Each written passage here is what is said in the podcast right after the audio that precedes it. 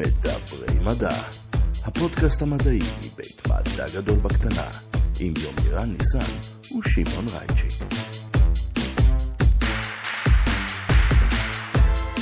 שלום וברוכים הבאים למדברי מדע, הפודקאסט הרשמי מבית מדע גדול בקטנה. אני שמעון רייצ'יק משמאלי, מה קורה? יומירן ניסן, מה העניינים? בסדר, איך הולך? מדהים. אה, אתה יודע מה, מה ממש טוב נגד אה, וירוסים אה, קטלניים? כפית של כוכב ניטרונים? בדיוק, לצאת לגלישה על גלי חלל. אתה יודע מי אמר את זה? אין מושג. הרב הראשי לישראל, זה מדהים, לא? כן. אז אתה רוצה להציג את האורח שלנו? אז האורח שלנו היום זה דוקטור יאיר הרכבי. הוא מגיע אלינו מהחוג לאסטרופיזיקה של אוניברסיטת תל אביב, והוא בעצם אה, עבד במסגרת הפוסט-דוקטורט שלו, וגם עכשיו במסגרת המחקר שלו, על גלים כבידתיים ועל כל מיני דברים אה, מוזרים כאלה ואחרים שמתרחשים בחלל, והבאנו אותו קצת אה, לשתף אותנו. אז אה, זה הזמן להפסיק לשמוע חדשות רעות ולשמוע על כמה מהדברים המדהימים ביותר שיש לנו ביקום, או במילים אחרות, זה הזמן להתחיל לדבר מדע. היי יאיר, מה העניינים? ברוך הבא לפודקאסט. תודה רבה, תודה רבה, זה כיף להיות פה. ככה אנחנו נראים במציאות.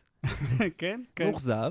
לא, חלילה. אה, תהיה. מאוכזב מזה ששמעון גידל זקן, וזה בא לי, תפס אותי בהפתעה, אני לא הייתי מוכן לזה נפשית.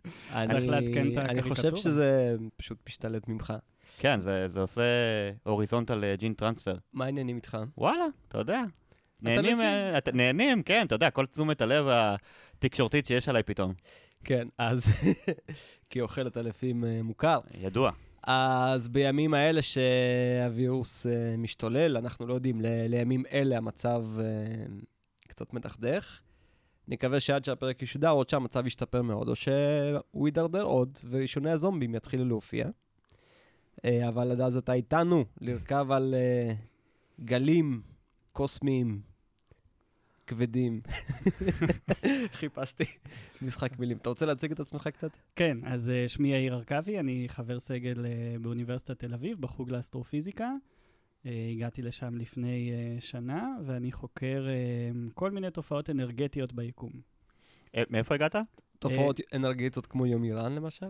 אה, כן, אבל לא אני עד סוג של, כך, לא אתה יודע. כן, יומירן הוא שילוב של קווייזר ו... בכוכב ניטרונים. וכוכב ניטרונים אה, באדם אחד.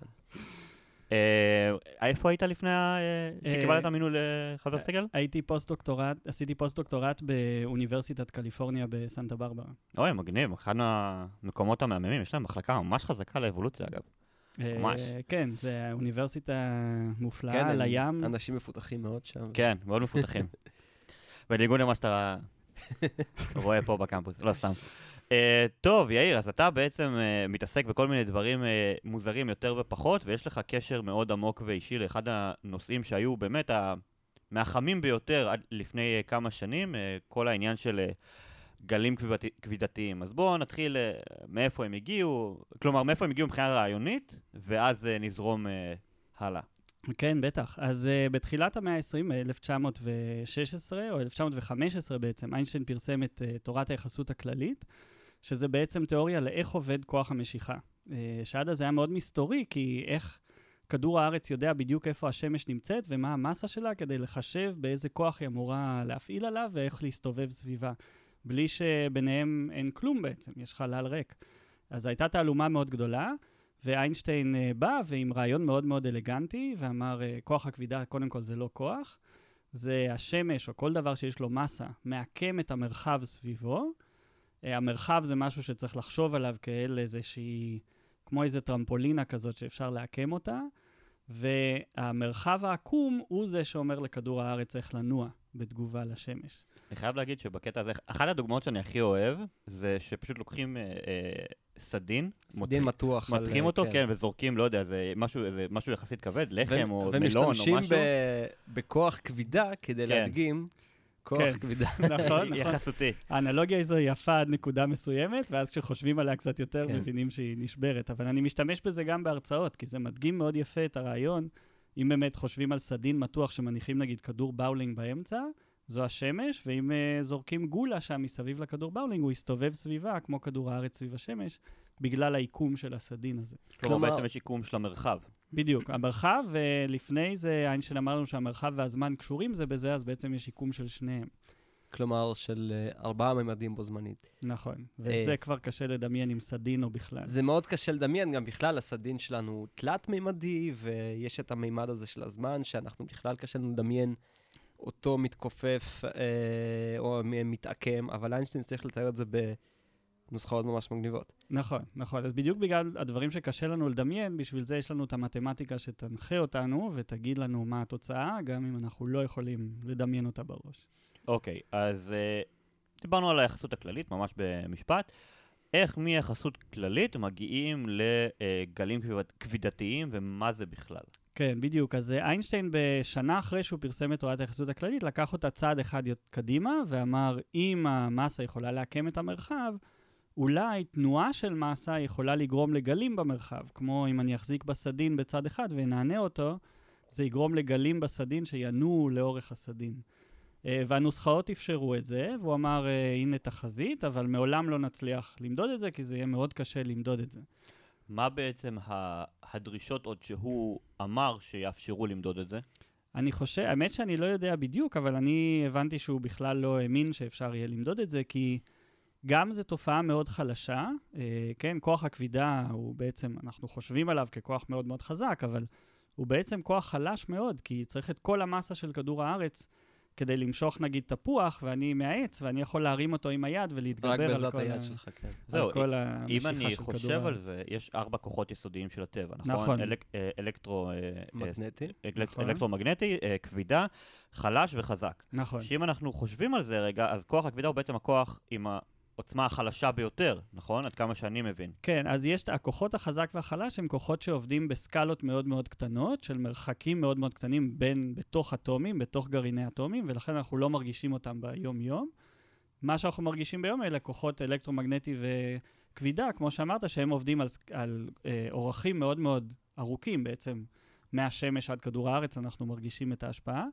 אבל כן, ביניהם הכוח האלקטרומגנטי הוא הרבה הרבה יותר חזק מכוח הכבידה. זו גם אחת הסיבות שתורת הקוונטים ותורת היחסות, אה, הקשר ביניהן הוא חמקמק, כי בסקלות שבהן אנחנו מבינים את תורת הקוונטים, תורת אה, הגרביטציה כמעט, ו... נכון. זאת אומרת, היא... נכון, הסקלות, בדיוק. תורת הקוונטים חשובה במק... במרחקים מאוד מאוד קטנים, הגרביטציה חשובה רק על פני מרחקים מאוד מאוד גדולים, ולכן ברוב המקרים הם יכולים לחיות בשלום אחד עם השני בלי להפריע אחד לשני, אבל כשאתה מגיע למקרים שבהם יש לך המון מסה במרחקים מאוד מאוד קצרים, כמו למשל בחור שחור, שם אתה חייב את שניהם, והם לא, הם לא עובדים יפה ביחד. כן. אה, כן. אה, בואו נלך לבקר באחד. יאללה. כן. יאללה, אבל בזהירות. ונקליט משם פודקאסט. אפשר גם לחסוך, כי זה one way. כן. לא, תחשוב, גם אם אתה מק- מקליט שם אה, פודקאסט, זה סוג של, ה- יהיה הפודקאסט אה, של שרדינגר, כי אתה גם מקליט שם פודקאסט, אבל אתה גם לא יכול לשדר אותו החוצה. אה, אז נכון, באיזשהו אתה- מקום, אתה גם מקליט וגם לא מקליט איזה בו זמנית. חיסכון? לא, אתה, לא רואה את התמונה הגדולה. אנחנו מקליטים את כל הפרקים של הפודקאסט בו זמנית. אה, נכון. נכון. אה, זה. שעה אחת שבה אנחנו עושים את כל הפרקים שנרצה אי פעם. כן. אתה מבין? זה אדיר. טיול אחד לחור שחור, תראה כמה חסכתי. אוקיי, וגם אין קורונה שם. בינתיים. או- או עד יותר כמה שידוע. או עד- כן. כמה שידוע. כנראה- כן. שה-DNA, ממש ברמה המולקולרית, לא ה-DNA, ה-RNA ברמה המולקולרית של הנגיף, פשוט התפרק שם ל... לא, אבל זה טוב שחור שחור. שאם כבר משהו חולה בקורונה, אז שזה חור שחור, כי היא לא יכולה אה, לא יכול לצאת. לצאת משם. לא יכול להדביק אף חור שחור אחר.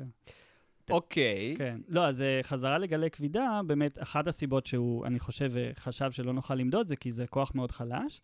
והסיבה השנייה היא, זו מדידה מאוד מאוד טריקית. אני לא יכול לשבת עם סרגל ולמדוד שעובר גל כבידה, כי גל הכבידה מעוות את המרחב, והוא מעוות אותי ואת הסרגל יחד איתו. ולכן אני בחיים לא אדע שזה קרה. אה, ולכן זה מאוד מאוד אה, מסובך, ועד אה, בעצם לא מזמן, שהצליחו פעם ראשונה להתגבר על הבעיות האלה. אוקיי, אז מה בעצם... דבר ראשון, בוא נלך קצת אחורה. מה בעצם היה הלך החשיבה שאמר, אוקיי, יש כאן, ת- יש כאן איזשהו משהו ששווה לנו להשקיע הרבה מאוד כסף כדי לנסות אה, לאושש את ההשערה של איינשטיין מלפני בערך אה, מאה ומשהו שנים. מהמם. מה בעצם היה ההלך החשיבתי שהוביל לזה? כן, אז uh, קודם כל יש את העניין של לרצות לדעת אם זה נכון ואם זה באמת קיים, אבל הייתי אומר זה אולי היה אפילו הדבר המשני, למרות שכשגילו, כל הכותרות בעיתון היו, הוכיחו שאיינשטיין צדק. ואני לא חושב שלמישהו היה ספק בקהילה המדעית שזה יוכח. השאלה הייתה יותר שאנחנו, איך נשתמש בגלי הכבידה האלה כדי ללמוד משהו על היקום. אז בעצם כל מה שאנחנו יודעים על היקום, כמעט כל מה שאנחנו יודעים על היקום, מגיע אלינו באמצעות אור. אנחנו קוראים לזה שליח. האור הוא השליח העיקרי שלנו לכל מה שקורה ביקום, ובעצם חמי, 400 שנה מאז המצאת הטלסקופ, אנחנו חוקרים את היקום באמצעות, כן, 99% ממה שאנחנו יודעים זה באמצעות אור שהגיע אלינו ממקומות רחוקים. כלומר, peaks or it didn't happen. בדיוק, בדיוק, okay. בדיוק ככה. אנחנו לא יכולים להגיע לשם, אנחנו לא יכולים לגעת בזה, להריח את זה, לשמוע את זה, רק לראות את האור שמגיע אלינו משם, וזה השליח כמעט היחיד שהיה לנו אה, עד עכשיו. וגלי כבידה זה בעצם פתאום שליח חדש, שיודע לספר דברים שאור לא יודע לספר. אה, למשל, חורים שחורים יוצרים גלי כבידה ולא פולטים אור. אה, והמחשבה הייתה שגלי כבידה בעצם זה כמו עוד חוש שאנחנו פותחים אל היקום, ומי יודע מה זה יכול ללמד אותנו. אוקיי, okay, אז אם בעצם אנחנו... אה... זה היה הכיוון, אה, נקרא לזה המוטיבציה. איך בעצם אני עכשיו צריך למדוד משהו שנע במרחב והוא נורא נורא אה, חלש וקשה לגילוי, איך אני ניגש לה, עכשיו לבעיה הזאת אה, טיפה יותר מהכיוון ההנדסי, זאת אומרת, אני צריך לבנות איזשהו מכשיר מדידה, מה שנקרא, שמעולם לא נבנה כדמו, כ, כדמותו. אה, והוא יודע להתגבר על הבעיה שהוא בעצמו מתעוות כן, יחד עם הגל שובר. נכון, נכון, ולמדוד משהו שאנחנו לא היינו 100% בטוחים שהוא קיים. בדיוק, כי, כי אם אני חושב על זה שנייה, ה-LHC, ה-Large Hadron Collider, פשוט כאילו, היה לנו מאית חלקיקים לפני זה, אז פשוט עשינו משהו גדול יותר ורגיש יותר. פה זה, זה, זה כיוון אחר. נכון, לגמרי, לגמרי. וה... להגיד שה-LHC זה פשוט מאיץ חלקיקים גדול. לא, בגדול, אתה יודע, כאילו, בצורה נורא נכון, מופשטת. הוא מאוד, כן. הוא הרבה יותר גדול, הוא הרבה יותר רגיש, הוא הרבה יותר משוכלל, אבל זה מבוסס על, על דברים שהיו קודם, טכנולוגיות קיימות, נכון. עם מדדים ידועים. נכון. מה, מה בעצם, אני שואל, בכיוון הזה של הגלים הכבידתיים בעצם? כן, אז, אה, אז הסיפור הזה הוא ממש נחמד, כי אה, זה מקורו באחד אה, הממציאים הגדולים ביותר שהיו, אלברט מייקלסון, שבעצם גם היה אמריקאי, ואני חושב גם היהודי הראשון לזכות בפרס נובל. וואלה. אה, וכן, ובסוף המאה ה-19 הוא המציא איזשהו מכשיר שנקרא אינטרפרומטר מייקלסון. אה, זה, זה מה שהפריך את האתר בעצם. נכון, וואי, נכון. וואי, אז תן לנו את הסיפור הזה כי הוא מגניב. זה מה שהפריך את האתר, ו... טוב, יומירן. אה, איזה ביולוג אני. יפה מאוד. זה גם המכשיר, לא ידעתי. זה המכשיר שהתחיל את, uh, בעצם את תורת היחסות הפרטית, ואז עכשיו שמשתמשים בו גם לאמת את תורת היחסות הכללית, באותו מכשיר עם שימוש שונה לחלוטין, uh, זה נורא מגניב. זה מכשיר מאוד פשוט בעיקרון שלו. Um, יורים קרן אור לעבר איזשהו um, מפצל, אז יורים קרן אור בקו ישר, ואז היא מתפצלת לשניים בכיוונים מאונחים זה לזה. Uh, אור אחד הולך בכיוון אחד, אור, uh, חצי ממנו הולך בכיוון אחד, חצי הולך בכיוון מאונח. הם ממשיכים, נוסעים, נוסעים, פוגעים במראה, חוזרים, ואז הם חוזרים, אם הם חוזרים באותו זמן, אז הם פוגשים חזרה, חצי אור פוגש את החבר שלו שהתפצל, מתאחדים חזרה ונכנסים לגלאי.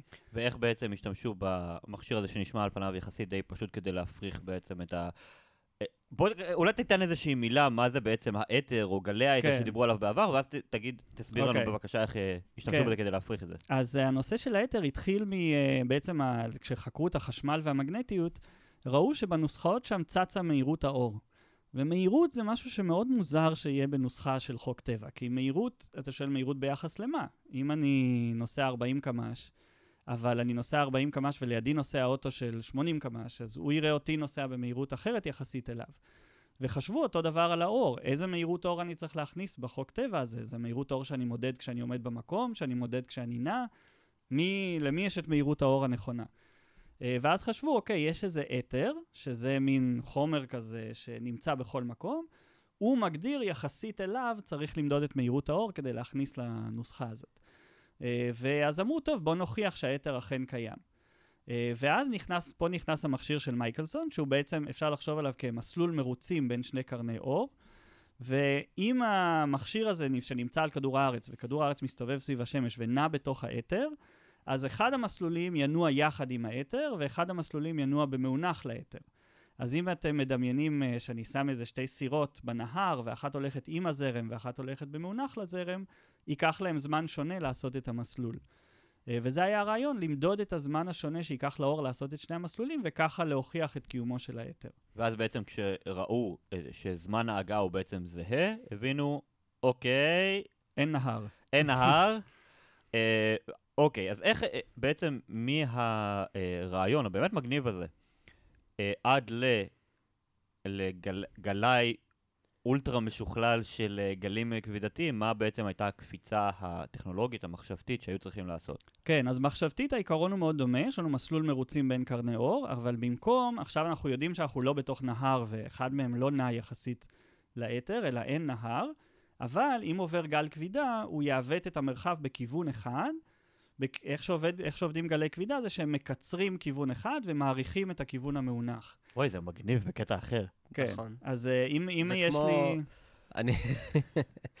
אתה יודע שאת אה, קריירת התכנות משחקים שהתחלתי מפלאש, לא, לא יודע מושג. אז אה, כן, שחקתי עם פלאש ובסוף עשיתי מזה מקצוע. אז שם כשאתה מותח משהו, הרבה פעמים נהיה צר באותה פרופורציה, אז אפשר לעשות כזה וואי וואי וואי, אז זה כזה. אז זה בדיוק כזה. כן, אם יש לך טבעת, אה, למאזינים שלא יודעים מה זה וואי וואי, תשתמשו בדמיון שלכם, אתם אה, מכירים אותי לא מהיום. סליחה, תמשיך. כן, לא, אם, יש, אם אני מחזיק חישוק ועובר גל כבידה דרכי, אז uh, החישוק, uh, צד אחד שלו יתארך וצד אחד שלו יתכווץ. ואז הפוך, הצד שיתכווץ יתארך והצד שיתארך יתכווץ, וככה עובר גל כבידה. אבל זה קרני... יקרה לא לא באותו, זאת אומרת, יש הפרש זמן בין- בין- בין ה- בין שני הצירים, נכון? בין ההתכווצויות בין ש- בשני הצירים. כן, אז uh, ציר אחד מתכווץ ומתארך לפי התדירות של גל הכבידה. כמו כל גל, כן. יש לו גם תדירות. אז אלו בעצם קרני לייזר שעוברות ממקום למקום? בדיוק, אז איך זה קשור עכשיו למסלול מרוצים הזה? אז אם אני מדמיין את המסלול מרוצים הזה, הוא בעצם בצורת רייש, כן? יש אה, שני מסלולים מאונחים. אם עובר עכשיו דרכו גל כבידה דרך הרייש הזאת, הוא יקצר צלע אחת של הרייש ויאריך את השנייה, ואז זה כן יגרום לאור להגיע בזמן יותר קצר בצלע שהתקצרה לעומת הצלע שהתארכה, ואז אה, אור אחד ינצח את האור השני, ואז כשהגל... אה, כשעובר חצי מהגל, אז עכשיו הצלע הראשונה מתקצרת והשנייה מתארכת, ואז ה- ה- הקרן השנייה תנצח והראשונה תפסיד. וככה אפשר לדעת שעובר גל כבידה. יש לי, אה, מה שנקרא, לפחות שלוש שאלות ועוד כמה תת שאלות, אז אני אשאל אותן כאילו בצורה יחסית אה, זה. דבר ראשון, מה ההפרשים, כאילו, בין אוקיי. הקרניים? אז פה, זה עד כאן רעיונית זה פשוט, הביצוע הוא הרבה הרבה יותר מורכב. כי באמת, בגלל שפה נכנסת הבעיה שכוח הכבידה הוא כוח יחסית חלש, והגלים האלה מאוד מאוד חלשים, אמ, ההפרש היחסי שצלע אחת אה, מתארכת לעומת צלע אחרת מאיזשהו גל כבידה טיפוסי שמצפים שיעבור דרכנו, הוא 10 במינוס 21, שזה אומר 0.20 אפסים 1. המטר? או או זה של מה? ההפרש היחסי. מה מה יחידת המידה אבל? כלומר, האורך של הצלע שלך, של אה, מסלול. המרוצים, כפול המספר הזה הבנתי. עם ה-20 אפסים 1, בככה הוא ישתנה לעומת השני. אז אתה צריך לבנות רייש מאוד מאוד מאוד גדולה, אז בנו רייש כזאת באורך כל צלע של 4 קילומטר, וגם אז, כשאתה מכפיל במספר הזה, יוצא שצלע אחת מתקצרת בפחות מהגודל של גרעין אטום לעומת הצלע השנייה. אנחנו מדברים על לייגו, נכון? נכון. אה, כן, מבנה שמשתרע על פני אה, האות רש, בדיוק. כן, אה, באור- באורכים עצומים, ואומרים שכדי בעצם לקפוץ מדרגה בסוג כזה של מדידה, אנחנו כבר צריכים להתחיל לבנות בחלל. כי... אה, כן, כן, אז יש, אה, גם בגלל המרחק, ויש גם סיבה אחרת, אה, שתכף נגיע אליה. אבל כן, בעצם הם בנו רייש ענקית, המסלול מרוצים הזה של מייקלסון ענק, באורך של 4 קילומטר כל צלע, ובעצם זה המכשיר ה- לא רק הגדול, הוא גם המדויק ביותר שנבנה אי פעם, כי הוא מסוגל למדוד כשצלע אחת של הרייש מתקצרת בפחות מהגודל של גרעין אטום לעומת הצלע השנייה. זאת אומרת, הוא בעצם מסוגל, רק בשביל לסבר אה, גם לי וגם למאזינים את, ה, את האוזן, גרעין של אטום הוא, אה, רק הגרעין בערך, נכון אנחנו מדברים? אז הוא פחות מאנקסטרם, זאת אומרת, אנחנו מדברים פה על משהו שהוא יותר קטן מעשר. חמישה סדרי גודל פחות. כן, זאת אומרת, משהו שהוא אה, חמישה סדרי גודל פחות מ-10 במינוס 10 המטר. נכון, רק, בעצם... רק כן. בשביל לסבר את... זאת אומרת, אה, ואנחנו מדברים פה על זה פריסה, קטן. זה, ואנחנו מדברים פה על פריסה, על פריסה של 4 קילומטרים, כלומר השינוי הזה הוא כל כך מזערי, אם תחשוב על זה, כאילו- המכפלה של 4 קילומטרים היא השולית פה. כן, לגמרי. זה באמת ה- רק בוא ניתן לעצמנו Head Start אה, טוב כזה. נכון, ש- אוקיי, ובעצם יש עוד טריק קטן, שהמסלול מרוצים הזה לא הולך רק פעם אחת לאורך הרייש, הוא הולך וחוזר כמה מהמם. פעמים שם בפנים, אז כאילו בפועל מבחינת האור זה קצת יותר מ-4 קילומטר, כמה פעמים יותר, אבל עדיין, כן, זה סדר גודל של כמה קילומטרים, והם מסוגלים למדוד שאחד מהם מתקצר ב- אה, בעצם 10 במינוס 15 מטר לעומת השני. תגיד, אה, אני מנסה לדמיין את זה בראש, כן? אני עכשיו עומד במרכז ה-L, או במרכז הרייש, ושני פרוטונים, אה, אה, אף- זה אור, אור, לא פוטונים. פרוטון. שני, פוטונים, סליחה, כן, כמובן, שני פוטונים עפים אה, ממני, כל אחד לרגל שלה. נכון. גל כבידה עובד ועובר, ורגל אחת מתקצרת, רגל אחת מתארכת. מה זה אומר? איך אני רואה את ה... אם הייתי יכול לראות את הפוטון נע, הייתי רואה אותו בצלע המתארכת אה, מאיץ יותר מהר איכשהו, כי החלל מתארך, ואת הפוטון השני הייתי רואה מאט. Uh, כן, אז בעצם לא רואים את זה, ואם זה היה באמת פוטונים בודדים, לא היינו יכולים לעשות את המדידה הזו. Uh, פה נכנסת עוד תכונה ממש מגניבה של אור, וזה שהאור בעצמו הוא גל. כן, הוא, מודד, הוא גל שמודד גלי כבידה, אבל הוא גם גל, כן, זה הדואליות המפורסמת חלקיק אה, גל בדיוק. של האור. נכון? אז פה מת, מת, אה, מתייחסים לאור בתור גל, ואז uh, בעצם יש אור רציף שהולך בצלע אחת ובשנייה, ואם לא היה קורה שום שינוי באחת הצלעות, אז אם שלחתי שתי קרניים, שני גלים, הם יחזרו בדיוק מה שנקרא באותה פאזה. כלומר, יחזרו בדיוק באותה צורה ויתחברו אחד לשני. כן, אם מדמיינים גל בתור סדרה של C ושפל, אז C יפגוש C ושפל יפגוש שפל והם יתחברו חזרה. ברגע שאחד מוסט טיפה לעומת השני, אז ה-C כבר לא מתיישר בדיוק עם ה-C של הגל השני, ואז הם נפגשים בצורה אה, שהם עושים אה, בעצם התאבכות, שהיא לא כזאת- בדיוק, אה, כן, קצת לא. לא מיושר, בדיוק, קצת אוף, או אפילו יכולים ממש לבטל אחד את השני. כלומר, יש לנו, במצב הסטנדרטי, כששני הגלים האלה עושים תהלוך חזור, יש לנו איזה שנקרא לזה נקודת פוקל פוינט כזו, אם אני, שוב, אם אני מבין נכון, אה, שיש שם אה, אור, אלא אם כן, באמת, בא גל כבידתי, עושה איזשהו הס- הסטת פאזה של הגל עצמו, ואז ממש לזמן נורא נורא נורא קצר, יש התהפכות הורסת, או שינוי של אותה אלומה, וזה בעצם האינדיקציה, אה, מה שנקרא האמפירית שלנו, שאכן משהו בסדרי הגודל הצפויים של אותו גל פגע בקרניים שלנו. בדיוק, בדיוק. וואלה. בעצם איך שעושים את זה בפועל זה שמכוונים את זה שכשלא עובר גל, אז תהיה התהפכות הורסת ויהיה חושך, ואז אם פתאום רואים איזה הבזק אור, אז מבינים שמשהו הסיט את אחד הגלים לעומת השני. עכשיו, המשהו הזה מקווים שזה גל כבידה, אבל המכשיר הוא כל כך רגיש, שהמשהו הזה יכול להיות גם משאית שעוברת שני קילומטרים משם, יכול להיות פכפוך האוקיינוס.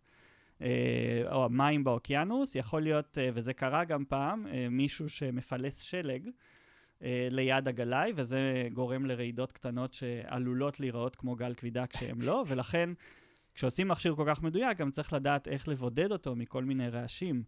אה, ואחד מהם, הכי מקביל, זה בעצם כדור הארץ, הוא לא רגוע, הוא לא שקט באופן מוחלט. יש כל הזמן רעידות, יש כל הזמן תנועות של אה, כדור הארץ, אה, של הקרקע בעצם, ו, וזה כל הזמן מזיז את המכשיר. זה אחת הסיבות שמכשיר בחלל, משהו שמכשיר בחלל יכול להתגבר עליו, בעצם זה אומר שהתדירויות שבהן כדור הארץ רוטט, אנחנו לא יכולים לגלות בהם גלי כבידה, כי אף פעם לא נדע אם זה גל כבידה או אם זה כדור הארץ עכשיו רטט. אז המכשירים האלה רגישים לתדירויות יותר גבוהות מאלה שכדור הארץ רוטט, ואלה גלי הכבידה שכרגע אנחנו מסוגלים. זה גם אומר שהם יותר אנרגטיים? זה כמו גלי אור במובן אה, הזה? כן, בהחלט.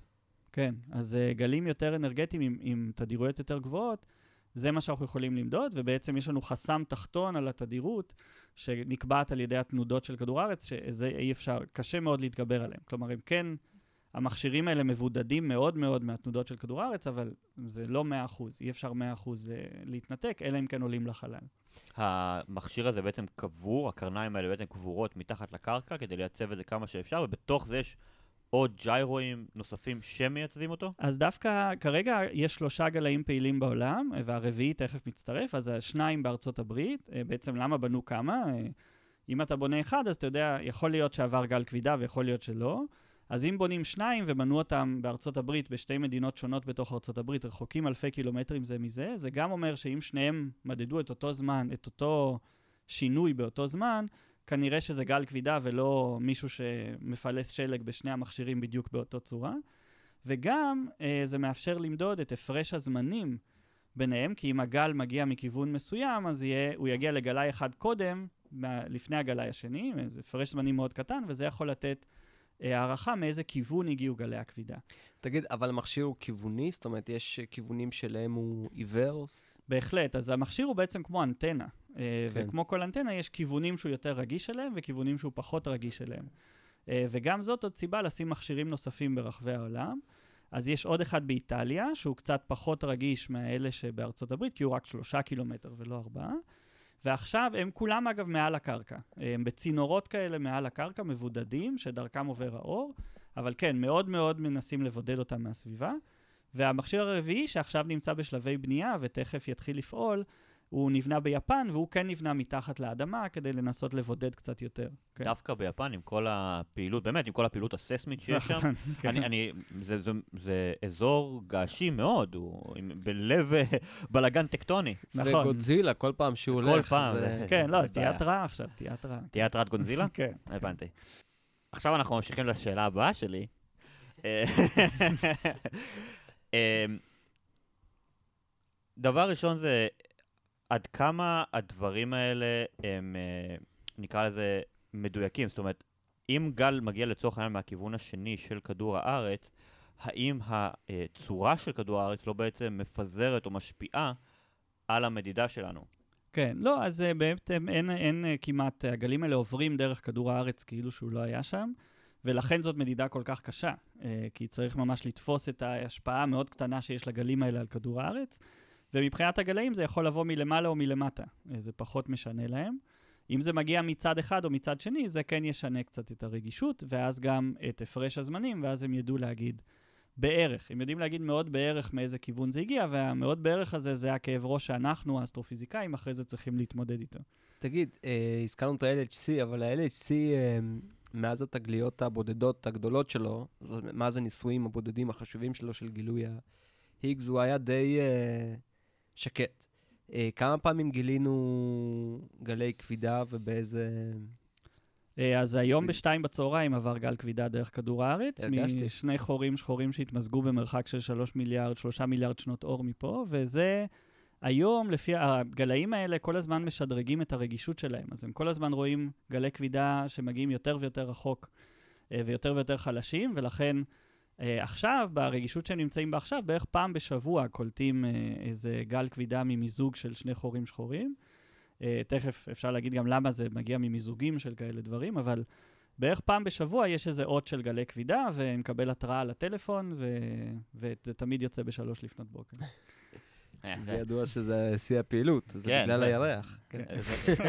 לא, זה תמיד יוצא בשלוש לפנות בוקר, איפה שאני נמצא באותו רגע. אה. ניסיתי את זה במקומות שונים בעולם, וזה תמיד אה, מעיר אותי באמצע הלילה. מעולה, הנה לך נושא ל... כן. זה גם נושא למחקר, כאילו, איך יכול להיות שהם... זה, נראה לי ה-CIA עוקבים אחריך. זה, לא, זה מרפי. אה, הבנתי. כן. אוקיי, הגלים מתפשטים במהירות האור? כן, זו הייתה תיאוריה, זה היה מהנוסחאות של איינשטיין עלה שגלי הכבידה צריכים להתפשט במהירות האור. אה, ובעצם לפני שנתיים יכולנו לאושש את זה פעם ראשונה, כשמגיעים רק גלי כבידה, אין לך איך לדעת באיזה מהירות הם נסעו, כן. אבל לפני שנתיים היה אירוע מאוד מאוד מיוחד, שהגיעו גם גלי כבידה וגם אור מאותו אירוע, והם הגיעו ביחד. מה אה, יצר, איזה אירוע זה היה? אז האירוע שיצר את זה, אז כדי לייצר גלי כבידה צריך משהו עם הרבה מאוד מסה, מאוד מאוד דחוס, כדי לייצר כמה גלי כבידה כמה שיותר חזקים. אז האובייקט הכי דחוס והכי מסיבי שאנחנו מכירים זה חור שחור. אה, חור שחור אחד לבד לא ייצר גלי כבידה שאנחנו יכולים למדוד, צריך שניים שיסתובבו אחד סביב השני, ובעצם אה, ככל שהם מסתובבים, הם גם מתקרבים אחד לשני, ומסתובבים יותר מהר, ומתקרבים, ומסתובבים יותר מהר, עד שהם מתמזגים. וזה יוצר את גלי הכבידה הכי חזקים שאנחנו יכולים למדוד, אבל חורים שחורים לא פולטים אור. ולכן, כדי לראות גם אור וגם גלי כבידה, צריך ללכת לאובייקט, לעצם הבא הכי דחוס אחרי חור שחור. Second best. הזקן של אמירן. אז כן, כמעט, כמעט, כמעט. Uh, כוכב נויטרונים. Uh, אה, אז אה, כוכב נויטרונים זה בעצם כוכב שיכול להיות כמה פעמים המסה של השמש, דחוס לתוך הגודל של תל אביב. אה, זה חומר מאוד מאוד מאוד צפוף, כפית שלו שוקלת כמו הר אברסט, אה, ואם יש כוכב כזה ולידו יש עוד כוכב כזה, והם מסתובבים אחד סביב השני ומתמזגים, הם, התיאוריה, זו הייתה התיאוריה לפחות, מייצרים גם גלי כבידה, וגם משם כן יכול לברוח אור. כי בורח חומר מהמיזוג הזה, אה, והחומר הזה מכל מיני תהליכים מייצר אור, ואז אנחנו אמורים לקבל גם גלי כבידה וגם אור, אז זה היה מה שחיכינו לו בעצם, זה היה מיזוג של כוכבי נויטרונים. וזה אה, גלים הרבה יותר חלשים, אני מניח, אז אנחנו גם צריכים להיות אה, ברי מזל שזה יקרה מספיק קרוב. נכון, נכון, צריך, ה- הכמות, אה, בגלל זה כמות האירועים של מיזוג אה, כוכבי נויטרונים, יש הרבה פחות ממיזוג כוכבי, אה, חורים שחורים, גם אם בטבע הם אפילו קורים באותה כמות, את החורים השחורים אנחנו רואים הרבה יותר, עד הרבה יותר רחוק, את גלי הכבידה מהם כי הם יותר חזקים, ואת גלי הכבידה מכוכבי הנויטרונים, כמו שאתה אומר, צריך שהם יהיו קרובים כדי שנוכל לראות אותם. רגע, יש לי עוד שאלה בנושא, יומירן מת לשאול שאלה משלו. בבקשה, בבקשה. לא, לא, אה, כן, אה, זה מהפרקים האלה שאנחנו אה, רבים על המיקרופון. רגע, אה, לגבי אה, אותו אירוע, אה, מיזוג כוכבי ניטרונים, כדי שנראה את האור צריך להסתכל לשם, אבל אנחנו לא מסתכלים על כל השמיים בו זמנית. אה, נכון, למרות שאנחנו מתקרבים ליכולת לעשות את זה, לראות את כל השמיים כל הזמן, אנחנו מתקרבים ליכולת הזאת, אבל כרגע עדיין אין לנו, ואיך שזה עבד אז, ואיך שאנחנו מקווים שיעבוד אם זה יקרה עוד פעם, זה שיש, אה, מגיע מיזוג של כוכבי נויטרונים, גלי כבידה מכוכבי, מיזוג כוכבי נויטרונים, מגיע לגלאים, והם יודעים להגיד שזה כנראה כוכבי נויטרונים, כי הם יודעים מגלי הכבידה לדעת מה היה המקור שלהם. ואז הם אומרים לנו, אוקיי, הגיעו גלי כבידה, היה מיזוג כוכבי נויטרונים, ולפי הפרש הזמנים בין הגלים, יודעים להגיד, זה הגיע מהכיוון הזה, מהר מהר תחפשו שם. כי האור, אה, הוא מגיע, גלי הכבידה עוברים וזהו, האור לוקח לו קצת, אה, הוא, הוא לא כזה מכה אחת של אור, אלא הוא נמשך כמה ימים. אז יש לנו כמה ימים למצוא איזה הבזק אור מהכיוון הכללי שהגיעו גלי הכבידה. וזה היה מרוץ שקרה לפני אה, שנתיים וחצי, ב- כמובן, הפעם זה היה חמש בבוקר. אה, שעון קליפורניה, אני הייתי אז בקליפורניה, של ה-17 באוגוסט 2017, הגיעה התראה, פעם ראשונה אי פעם, גילו גלי כבידה ממיזוג של כוכבי נויטרונים, ואמרו לנו, מהר מהר, תסתכלו לכיוון הזה ותחפשו את הבזק האור. הרמתם את היד למצח ופשוט בהיתם בשמיים? אה, זה, זה היה קצת יותר מורכב מזה, כי אה, מה שהיה... לא, זה לילה, לא צריך להצמיד את היד למצח. אה, אחרת לא צריך כלום. לצאת מהמיטה ו- ולהתחיל להפעיל את הטלסקופים. אה, כן. כש- כש... אבל אה, אה, כשיאיר דיבר בעצם על המשקל של... של כוכב ניטרון, אני רק חשבתי שככה אני מרגיש כשאני רוצה לצאת מהמיטה ביום ראשון בבוקר. כן. וכשאני עוד צריך ללמד, זה בכלל כאילו שלושה כוכבים דחוסים נראה לי. תגיד, כשאתה קם, שלושת אלפים סוחבים לך את החולצה ומלבישים אותך? יואו, אני חייב לאמן אותם לעשות את זה. נכון, זה... איך לא חשבתי על זה עד עכשיו? אני- אבל אם, תכל'ס, זה יהיה הרבה הרבה יותר נחמד אם הם יוכלו להפעיל לי את המכונת נספרסו, וגם להביא לי את הנספרסו. זה בכלל, כאילו, זה החלום שלי. תחשוב, כאילו, אתה מתעורר בבוקר ואתה אני מביא לך את חושב, האספרסו. אני- איתך. יפה. אוקיי. כן. אתה, אה, תשמע, אל תראו אותנו ככה, זה פודקאסט בנושאים חשובים. אתה יודע כמה בעיות עולמיות פתרנו? לכמה להקות מטאל מצאנו שמות? תכל'ס. וואי, אה, אה, אפילו. לקינוח אחד אה, בפרק על המוח. מיאלי- לא מיאלינים, תאי שוואן. שוואן. נכון. לא, שוואן אמרנו, אבל זה להקת קאנטרי. לא, אתה אמרת שזה קינוח. נכון, קינוח, וואי, אני שוכח את כל הבדיחות החברות אז יש פה דיונים ברמה מאוד מאוד גבוהה, בבקשה תמשיך. כן, אז לנו, אוקיי, אז יש לנו את ה-next best thing מהטלפים שיפעילו את הטלסקופים, יש לנו טלסקופים רובוטיים. לפחות אה, זה, זה היה הפרויקט שלי בפוסט-דוקטורט בסנטה ברברה, רשת עולמית של טלסקופים רובוטיים, והרעיון היה בדיוק אה, אחד המטרות, אם מגיע גל כבידה, ועכשיו פה בישראל 12 בצהריים, אני לא יכול לכוון טלסקופ, ועד שאני אוכל, אני אפספס כבר את ההזדמנות למצוא את זה.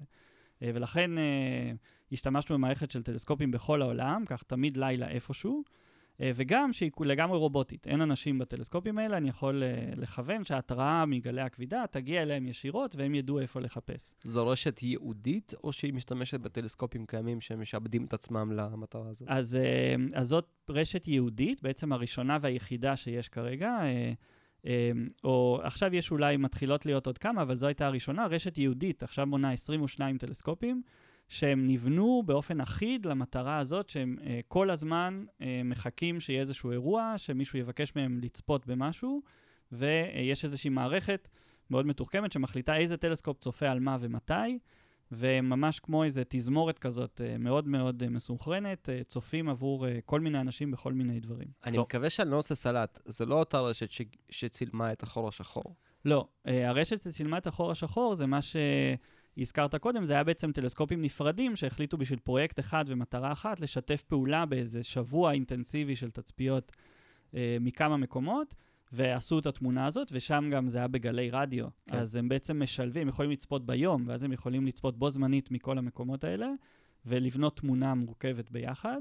אצלנו כל טלסקופ צופה בנפרד, אבל אפשר לצפות בכל זמן עם אחד הטלסקופים. האמת, ו- רגע, בכללי, אבל אני מניח שהטלסקופים האלה לא כאילו עיקרון החן צא לאיזושהי, למטרה של גלים כבדתיים, אני מניח שיש להם עוד שימושים, זאת אומרת, יש, ואתה אומר שהם רובוטים, אז אני מניח שיש איזשהו אלגוריתם שמתעדף משימות על פי איזשהו פרמטרים ידועים מראש, מה, מה בעצם אה, מכווין נכון, אותם? נכון, אז בעצם הם נבנו בשביל uh, כמעט כל דבר שמשתנה בזמן בחלל, שאנחנו רוצים לחקור. ומה שזה מאפשר זה גם, uh, אם קורה משהו, בין אם זה גלי כבידה או משהו אחר שדורש תגובה מיידית, וגם אם קורה משהו שאנחנו רוצים לעקוב אחריו במשך יותר מכמה שעות, כן? עד עכשיו, אם אני מוגבל מהשקיעה עד הזריחה, ואז אני לא יכול לראות יותר עד השקיעה הבאה, עכשיו עם רשת טלסקופים, טלסקופ אחד יכול להעביר את התצפית לטלסקופ הבא בתור, איפה שעכשיו לילה והוא הבא בתור, וככה אפשר לצפות באופן רציף גם על דברים. אז יש המון המון תחומים באסטרופיזיקה שזה פתאום פותח את האפשרות לצפות בהם שלא הייתה קודם. מי אגב מתפעל את הרשת טלסקופים הזו? אז זה סיפור מעניין, מי שהקים אותה זה אדם פרטי, אה, שהיה, אה, עבד באפל ובגוגל, ועשה עשה את הונו מתעשיית ההייטק, והוא אה, מאוד יצירתי ומאוד אה, אה, מוכשר, ומה שאבל הוא תמיד אהב זה אסטרונומיה, והוא החליט בפרישה שלו, פרויקט הפרישה שלו, תהיה לבנות, יהיה לבנות מכספו את רשת הטלסקופים האלה לשימוש המדע והחינוך. אה, כי עוד משהו שאפשר לעשות עם כזו רשת טלסקופים, זה יכולה לשבת כיתת לימוד באנגליה ב-11 בבוקר, ולהפעיל טלסקופ באוסטרליה, ששם לילה, ולעשות תצפיות וללמוד איך, איך מפעילים טלסקופ ואיך צופים בזמן השיעור. אה, וגם בזה משתמשים בהם. אה, אז בכל רגע נתון לרשת הזאת יש אולי 4,000 בקשות, מאסטרונומים ברחבי העולם, מתלמידים, מאנשים... משמעון. מ- כן, בדיוק, מי שרוצה כן, להשתמש בה. אבל בקשות שלי זה כל מיני דברים, אתה יודע, ש- תזמיני לי דברים מעלי אקספרס. אז אה, יש מערכת שלוקחת את ה-4,000 בקשות האלה בכל רגע, וצריכה להחליט במה לצפות מתי עם איזה טלסקופ. אה, וזה מין משחק טטריס כזה 22 מימדי, אה, שצריך להתאים את כל התצפיות של כולם שייכנסו. אני מניח אבל שגלים כבידתיים נמצא ב top האלגוריתם. כן, זאת אומרת, ברגע בהחלט. שיש, חבר'ה, בדיוק. ברגע שיש, אפילו תפסיקו את התצפיות שקורות כרגע, אפילו אל ת, תוציא, תקראו את התמונה מהגלאי, פשוט מיד תלכו לכיוון של גלי הכבידה. זה אחד הדברים אה, ש, אה, שנמצאים בתעדוף הכי גבוה. אה, כן, אז התעדוף מוגדר למערכת מראש על ידי איזושהי ועדת הקצאת זמן טלסקופ, שאומרת לאלגוריתם, אלה הנושאים המדעיים שאת, שאתה תיתקל בהם, וזה התעדוף שלהם, וזה לוקח את זה בחשבון יחד עם האילוצים. את זה חייבים עכשיו, זה יכול לחכות יום, זה יכול לחכות שבוע. זה נכנס לתחזוקה, זה עכשיו בדיוק, זה, כן. מזג אוויר לא טוב, הטלסקופ כן. הזה הפסיק לעבוד, וזה לוקח את כל השיקולים האלה ומחליט מה, מי יצפה מתי, ואז כל רבע שעה זה מנקה את כל הלוח זמנים ומחליט מחדש. תגיד, אה, דיברנו הרבה על, אה, על הטכנולוגיה סופר משוכללת, סופר יקרה, באמת פרויקטים אה, אה, אנושיים מדהימים, אה, אה, הכל כדי בעצם אה, ללמוד את ה... זאת אומרת, לא הכל ייעודית לזה, אבל הכל כדי ללמוד את התופעה הזאת של אה, גלים כבדתיים. כי אמרנו, זה סוג חדש של שליח אה, מהיקום. אה, מה הוא לימד אותנו? אוקיי. מה גילינו מהתצפיות האלה? חוץ מזה שהן קיימות, שהן קיימים, וכל הכבוד איינשטיין. והכיו- כן. והכיווניות ברגע שיש לך יותר מאחד. כן. כן, אז uh, בעצם האירוע הראשון שגילו, uh, איך שהדליקו את הגלאים פעם ראשונה ברגישות שמתאימה, שחשבו שעכשיו נגלה משהו, uh, זה היה בספטמבר 2015. בעצם זה היה אפילו כבר כמה ימים לפני שהדליקו אותם באופן רשמי. הם רק היו בבדיקה לקראת ההדלקה הרשמית, ועברו גלי כבידה יחסית, uh, במה שציפו, מאוד מאוד חזקים. Uh, ובעצם זו הייתה הפעם הראשונה שגילו גלי כבידה. והמקור שלהם היה מיזוג של שני חורים שחורים, של בערך 30 מסות שמש כל אחד מהם. ובעצם זה, אחד הדברים גם המעניינים סוציולוגית בניסוי הזה, זה שהגלאים של גלי הכבידה נבניים על ידי פיזיקאים, אה, אבל מי שמאוד קשוב למה שיוצא מהם זה אנחנו האסטרופיזיקאים. עכשיו, פיזיקאים ואסטרופיזיקאים, להרבה אנשים זה נשמע אותו דבר, אבל זה שני עולמות שונים לגמרי. אה, תרבויות שונות. מי לוקח במכות? אה, טוב, אז זה די ברור, אני לא רוצה להעליב אף אחד. זה- זה- זה כמו, אה, אתה יודע, אה, ביולוגים מולקולריים וזואולוגים. זה תחת מדעי החיים, אבל כאילו, תכלס אין קשר. בוא, כאילו, אה, במקסימום משתמשים בכלים. לצד אחד יש נמרים. למרות שלצד השני יש חיידקים ווירוסים. ווירוסים, כן.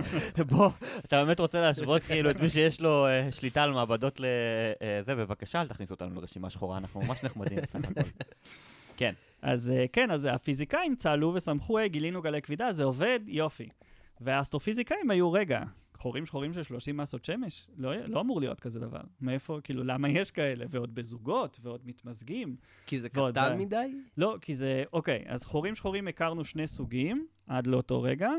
אה, חורים שחורים רגילים, מה שנקרא, שהם בערך כמה פעמים מסת השמש, שהם, אה, כשיש כוכב שהוא מאוד מאוד מאוד, נגיד 30 פעמים מסת השמש, בסוף חייו קורס, אז בערך אה, שלוש או חמש מסות שמש, אולי עד עשר, אה, יקרסו לחור שחור, וזה ייצר חור שחור רגיל, מה שאנחנו וכל קוראים. השאר זה נביולה. וכן, כל השאר עף אה, לחלל, או נבלע על ידי החור השחור. ואז האנטרפרייז עוברת שם בפתיח. כן, ו... בדיוק. אנחנו נקבל תביעה על זכויות יוצרים. זה מה שקרה, ככה הם צילמו, הם חיכו לחור שחור, לכוכב שיעבור סופרנובה, ואז צילמו את האנטרפרייז. ואז יעשה את המוזיקה הזו. נכון. הבנתי, כן, זה דרש הרבה תיאום. לגמרי. אה, אוקיי. אז זה סוג אחד, והסוג השני, זה בקצה השני של הסקאלה, חורים שחורים שהם מיליוני או מיליארדי פעמים מסת השמש, וקוראים להם בשם המקורי חורים שחורים סופר מסיביים, ויש אחד כזה במרכז כל גלקסיה. איזה יצור קפריזי, חור שחור. לא, או שאני חמש, שש מסות שמש, כן. או שאני מיליארדי, בסדר? בדיוק. אין לי, אין לי אמצע. אין אמצע. בדיוק, זאת השאלה, האם יש אמצע או לא. אנחנו uh, מכירים את שני הסוגים ולא יודעים בדיוק למה זה ככה, למה זה כזה קפריזי. Uh, ופתאום באו השלושים האלה, 30 ועוד 30 שהפכו ל-60. אמרנו, מה זה, מאיפה מגיע 30? זה לא מגיע מכוכב שקורס ל-10, זה לא מגיע מחור שחור סופר מסיבי שהוא מיליארד, מה זה ה-30 הזה? משאית שעברה למעלה.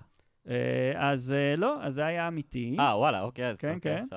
וזו הייתה עכשיו שאלה, פתאום כל ה... כבר בתגלית הראשונה, בסיגנל הראשון שהם קיבלו, שלושה ימים לפני שהם נדלקו באופן רשמי, זה פתאום תעלומה חדשה באסטרופיזיקה, איך היקום יוצר חורים שחורים של 30 מסות שמש. אני יכול לנחש, וזה לחלוטין ניחוש, כי אני לא יודע למה יש חורים של 30 מסות שמש, אה, גם אני לא, אז זה בסדר. אבל אה, נשמע לי כאילו הגיוני שאם יש שני קיצונים, אה, אז איפשהו צריך להיות גם אמצע. אולי שני הקיצונים הם היציבים, אבל אה, מתישהו חורים שחורים קטנים צריכים להפוך לחור שחור ענק. מהמם. זה אומר שבאמצע, לפחות איפשהו, יש כל מיני מיזוגים של חורים שחורים שכבר עברו מיזוגים. אתה מדבר בעצם על, אה, אם אני מבין נכון, על, אה, נקרא לזה, על שלב ביניים רגעי, כמו, כמו נגיד שאנחנו מכירים חומרים בעולם הכימיה שהם אה, רגעיים ואז מתפרקים מאוד מהר, או כן, כמו... מתאחדים נורא מהר עד שהם מגיעים למצב היציב? נכון, נכון, אז זה באמת, יש לנו מה שנקרא החורים השחורים הסופר מסיביים, סופר מסיב בלק הולס, והחיפוש הוא איפה ה-intermediate mass black holes. כן, זה משהו שאנחנו מחפשים כבר הרבה זמן, כי כמו שאתה אומר, איכשהו היה צריך להגיע לסופר מסיבי. איפשהו בדרך היה צריך להיות שלב, גם אם הוא קצר, שהוא היה בינוני. ואיפה החורים השחורים הבינוניים? זה משהו שמחפשים הרבה מאוד זמן, אז בינוניים פה זה נגיד אלף מסות שמש, או עשרת אלפים. יש כמה עדויות שאולי מצאו אותם, אבל זה לא, אין, אין אף אחד בטוח, וזה עדיין שאלה פתוחה. וה-30 פלוס 30 שיוצרים 60, אולי זה אחד הצעדים בדרך אה, תגיד, להגיע לשם. אה, ש- שתי שאלות. אחת, איך אנחנו, זאת אומרת, יודעים, אה, יודעים שזה 30 ועוד 30? זאת אומרת, אם יש גל, אה, מה מסגיר את זה? התדר שלו, או שזה עירוב של כמה תדרים? כן, כן, אז הגל הוא בעצם לא בתדר אחד, כי הוא נוצר מזה שהחורים השחורים מסתובבים אחד סביב השני ומתקרבים ומסתובבים יותר ויותר מהר. אז זה מין אות כזה שהתדירות שלו הולכת וגדלה, וגם העוצמה שלו הולכת וגדלה עד לרגע המיזוג, ואז הוא נעלם. אה, ואז אה, זו צורה קצת מורכבת, ובעצם בזכות הנוסחאות של איינשטיין, אז ממאה שנה קודם, יודעים לחשב, אם המסה היא כזאת ומסה אחת היא כזאת, וגם אם הם מסתובבים אחד סביב השני בצורה הזאת, מה צריך להיות הגל שיוצא. אגב, זה חישוב מאוד מאוד מורכב. אי אפשר לעשות אותו עם נייר ועיפרון, חייבים מחשבים מאוד חזקים בשביל זה. מטלה זה- ברבק? מטלה ברבק? אה, כן, קצת יותר. כן. אה, קצת יותר. טוב, בסדר. קצת אה, יותר, אה, מטלב אה, על, מחשב על. רגע, וש, ושאלה שנייה, אה, כשקיבלו את הממצא הזה, אה, לא חשבו שאולי יש טעות, או... כן, כן, זה סיפור מעניין כי אה, כדי... אה, אז קודם כל, רק אני אגיד שהחישובים האלה, זו הייתה התקדמות טכנולוגית שהייתה חייבת לקרות במקביל ליכולת לבנות את המכשיר. כלומר, זה היה גם התקדמות ניסיונית וגם התקדמות בתיאוריה שאפשרה את התגלית הזאת. כי אם לא היינו יכולים לחשב, היינו מקבלים גל כבידה, וכמו שאתה אומר, לא היינו יודעים מה יצר אותו. אבל אה, עכשיו הם יכלו...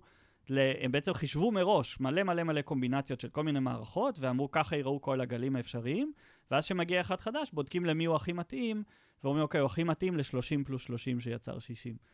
אה, אבל כן, הסיגנל הראשון הזה היה כל כך חזק, שהתגובה הראשונה, אני הבנתי שם בגלאים, הייתה, טוב, זה, זה לא אמיתי. זה ארטיפקט. זה לא, מה שהם חשבו, הם בעצם יצרו מערכת שהם יוכלו, בגלל שהם לא ידעו מתי יהיה האירוע הראשון, והאם הם ידעו להגיב נכון, והאם ידעו לזהות אותו, ועד כמה הם יהיו יעילים, הם תכננו מערכת שהם יזריקו סיגנלים אה, אה, מזויפים לתוך המערכת בעצמם, בלי לגלות לאף אחד. כלומר, יש איזו קבוצה קטנה שיודעת את זה, אבל כל שאר ה... יש שם בערך אלף מדענים שעובדים על הניסויים האלה, לא ידעו שזה מזויף, כדי לבדוק אם הם מגלים את זה, וכמה מהר, וכמה הם טובים וזה. אז תכננו בשנה הראשונה לה, להזריק כל מיני סיגנלים מזויפים, ואיך שהיה הסיגנל הזה, התגובה הראשונה של מי שעבד שם היה, או, נו באמת. סיגנל מזויף, אפילו לא טרחו כאילו שזה ייראה אמין, כן? הוא כל כך חזק, כן. שהם לא האמינו שזה אמיתי. כלומר, הם ידעו שיש כזה... הם ידעו שיש, אחרי זה התברר, הם אמרו שזה לא, הם אמרו, לא, לא, חבר'ה, איציק, לא, זה לא היית התחלנו. אתה? זהו, אז הם אמרו, לא, לא, עוד לא התחלנו את ההזרקות בכלל, כאילו, תתייחסו לזה ברצינות, זה לא אנחנו. ואז הייתה אפילו מחשבה שאולי מישהו עשה, מישהו פרץ למערכת ועשה איזה האקינג וואו. לזה, כי זה היה סיגנל כל כך חזק, ועד אה, שהם בסוף שכנעו, השתכנעו, עשו את כל הבדיקות שלא, זה אמיתי, זה באמת הגיע מהחלל. טוב, אנחנו למודי אה, הוואו סיגנל של אה, סטי. יש המון, ובמיוחד בהיסטוריה של גלי הכבידה, יש להם היסטוריה של, אה, שחשבו שגילו ולא גילו, ולכן זה הפך אותם לקהילה מאוד מאוד מאוד זהירה.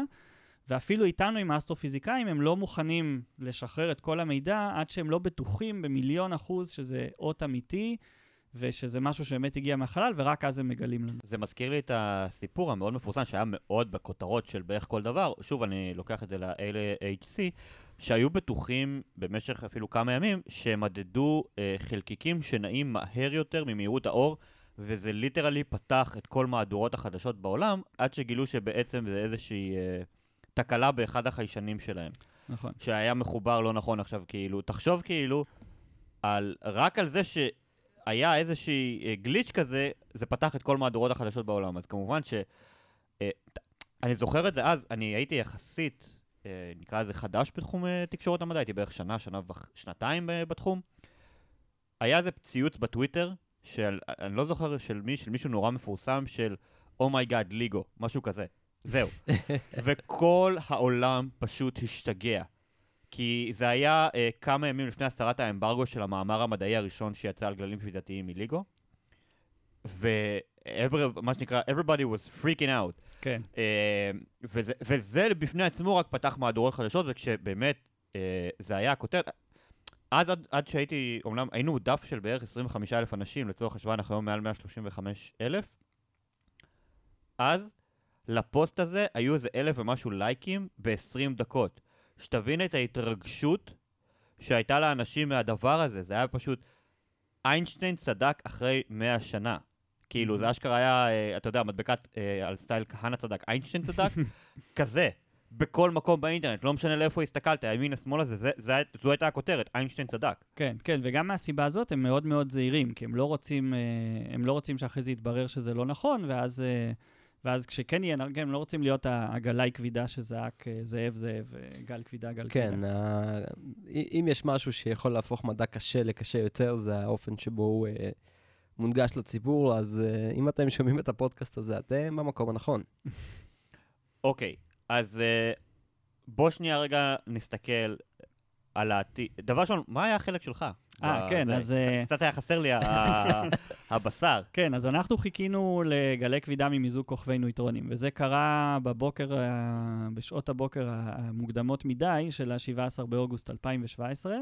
קיבלנו את ההתראה, אמ, זה לא קרה בדיוק לפי התוכנית, כלומר, היינו ערוכים לזה, תגיע התראה, יהיה איכון, יגידו לנו איפה לחפש בשמיים, אנחנו נכוון את הטלסקופים, אה, נחפש שם, נראה אם נוכל למצוא משהו.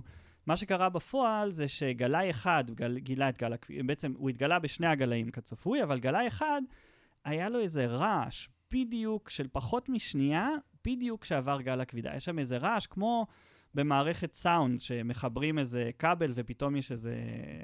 בדיוק. היה כזה של פחות משנייה, וזה קרה מדי פעם, והם ידעו, אבל לא מאוד הטריד אותם, גם אותו, מה הסיכוי שזה יקרה בדיוק כשיעבור גל כבידה ממיזוג כוכבי נויטרונים. אז הסיכוי הוא 100%, אנחנו יודעים היום. זה קרה בדיוק בזמן הלא נכון. ומה שזה גרם זה שלא היה את ה... לא ידעו מאיזה כיוון זה הגיע, כי אחד האותות היה בסדר, ואחד הגלאים היה עם הרעש הזה. עכשיו, הם יכלו להוריד את הרעש הזה, אבל uh, זה לקח כמה שעות. אז uh, בינתיים היה איזשהו כזה איכון uh, גדול על השמיים שהתחלנו לחפש בו, ואז כשהורידו את הרעש, אז המיקום בשמיים קטן וזז קצת הצידה. אז uh, הבנו שחיפשנו במקום הלא נכון, אז מהר מהר כיוונו את הטלסקופים למקום החדש, uh, וזה uh, כמה שעות אחרי זה, uh, פתאום ראינו, אנחנו ועוד uh, חמש קבוצות אחרות בעולם, בעצם היו משהו כמו 80 קבוצות שחיפשו כל אחד עם הטלסקופים שלהם איפה זה יכול להיות. והיו בערך, היו, אנחנו היינו קבוצה אחת מתוך שש, שבטווח זמנים של 45 דקות, בלי לדעת אחד על השני, ננעלנו על אותו אירוע באותה גלקסיה, באותו מקום בשמיים, ובעצם הגענו לאותה מסקנה באופן בלתי תלוי, ואחת מהן הייתה הראשונה להודיע, ואז כל השאר אמרו, כן, גם אנחנו ראינו, גם אנחנו ראינו, גם אנחנו ראינו, ואז כל שאר ה-80 קבוצות כיוונו את הטלסקופים לשם, והתחילו לעקוב אחרי זה. עכשיו, וואי, גדול. כן, זה, זה קרה, עכשיו זה פה באמת המזל, כאילו האירוע הזה תוכנן בשביל המערכת טלסקופים שלנו. Uh, כאילו היקום ממש העניק לנו את האירוע האידיאלי מבחינתנו, שגם היה אידיאלי מהבחינה הזאת, שהוא היה לא אידיאלי לכל שאר הקבוצות. Uh, כי זה היה באזור בשמיים שהיה אפשר לצפות פה רק שעה אחת אחרי השקיעה, ואז הוא היה יורד מתחת לאופק. אז אם יש לך טלסקופ, הטלסקופ שלך בצ'ילה, אה, כן, אחד האתר הכי טוב בעולם לעשות בו כן. תצפיות, אתה יכול לראות את זה במשך שעה, ואתה צריך לחכות 24 שעות ללילה הבא כדי לראות את זה שוב. למשך שעה. למשך שעה. עכשיו, האירוע הזה, הוא מש, מתפתח מאוד מאוד מהר. בעצם אף פעם לא ראינו משהו כל כך בהיר, כל כך עוצמתי, שהשתנה כל כך מהר על סקאלה של שעות. כן. אה, ואנחנו היינו הקבוצה היחידה שהיה לנו גם טלסקופ בצ'ילה, גם טלסקופ באוסטרליה וגם באיזה בדרום מרחק אפריקה. מאיתנו זה קרה? זה קרה במרחק של 120 מיליון שנות אור. סך הכל קרוב. Uh, כן, תחשוב שזה אירוע שקרה לפני שהד... שהדינוזאורים עוד הלכו על פני כדור הארץ. כן, כן, אבל זה, זה סופר קרוב, כי אה, בדרך כלל כשאתה בונה מכשיר חדש שיכול לגלות משהו חדש, אתה, אירוע נדיר, אתה תצפה לגלות אותו קרוב לטווח הכי רחוק של המכשיר, שהיה פי שלושה מזה. עצם העובדה שקרה אירוע במרחק של 120 מיליון שנות אור, זה מזל שלא האמנו, לא ציפינו, הסיכוי לזה היה מאוד נמוך. אה, רק בשביל המאזינים שלנו, אה, כשאומרים שנות אור, מדובר בעצם על מרחק.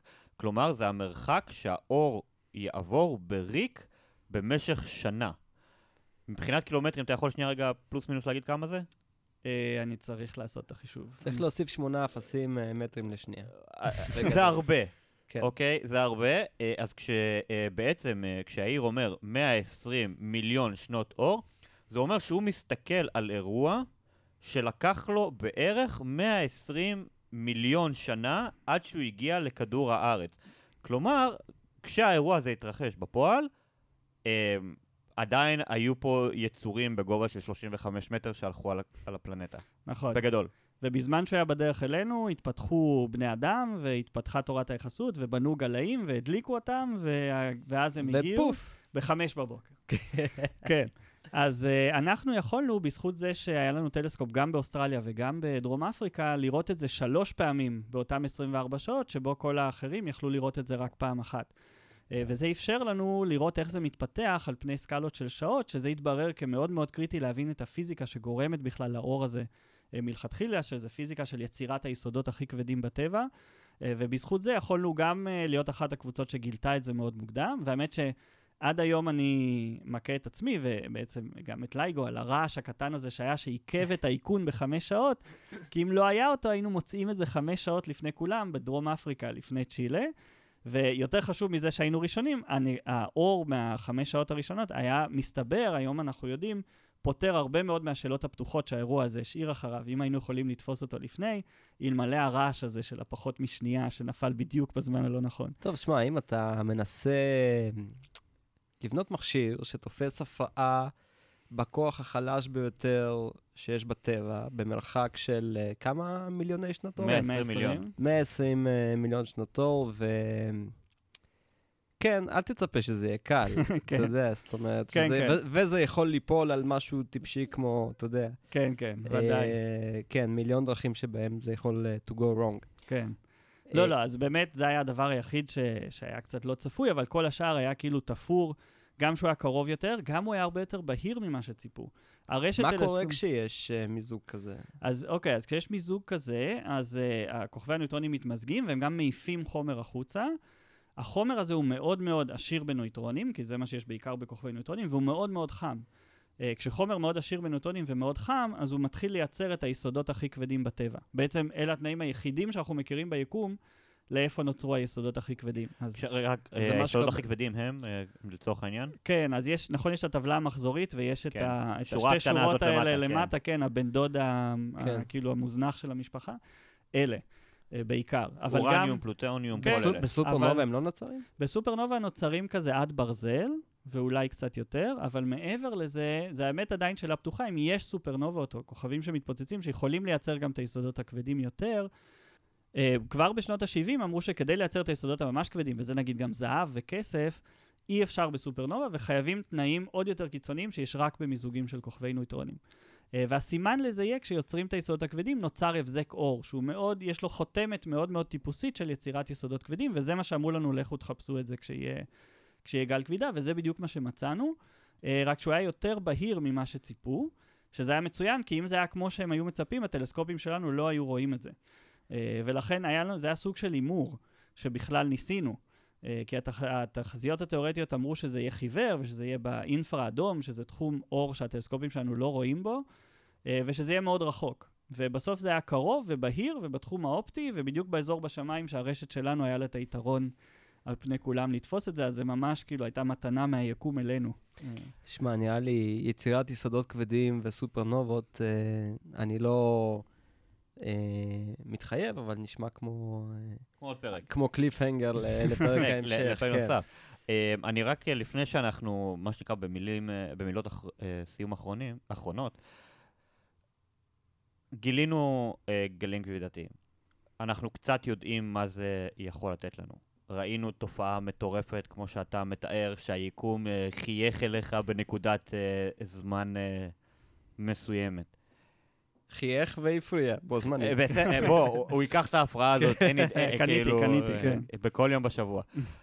מה בעצם השאלות הבאות שעומדות אה, אה, למחקר? הגלאים האלה הרי, הרי עדיין פעילים, בונים נוספים, משקיעים במשאבים עצומים. נכון. מה בעצם המוטיבציה להמשך? כן, אז קודם כל יש, יש את השאלה הפתוחה של uh, מאיפה מגיעים אותם חורים שחורים של 30 מסות שמש, והאם זה היה נדיר או האם זה נפוץ, עד כמה זה נפוץ ביקום. זה יעזור לנו להבין איך הם נוצרים, אם הם מאוד נפוצים, אם הם מאוד נדירים.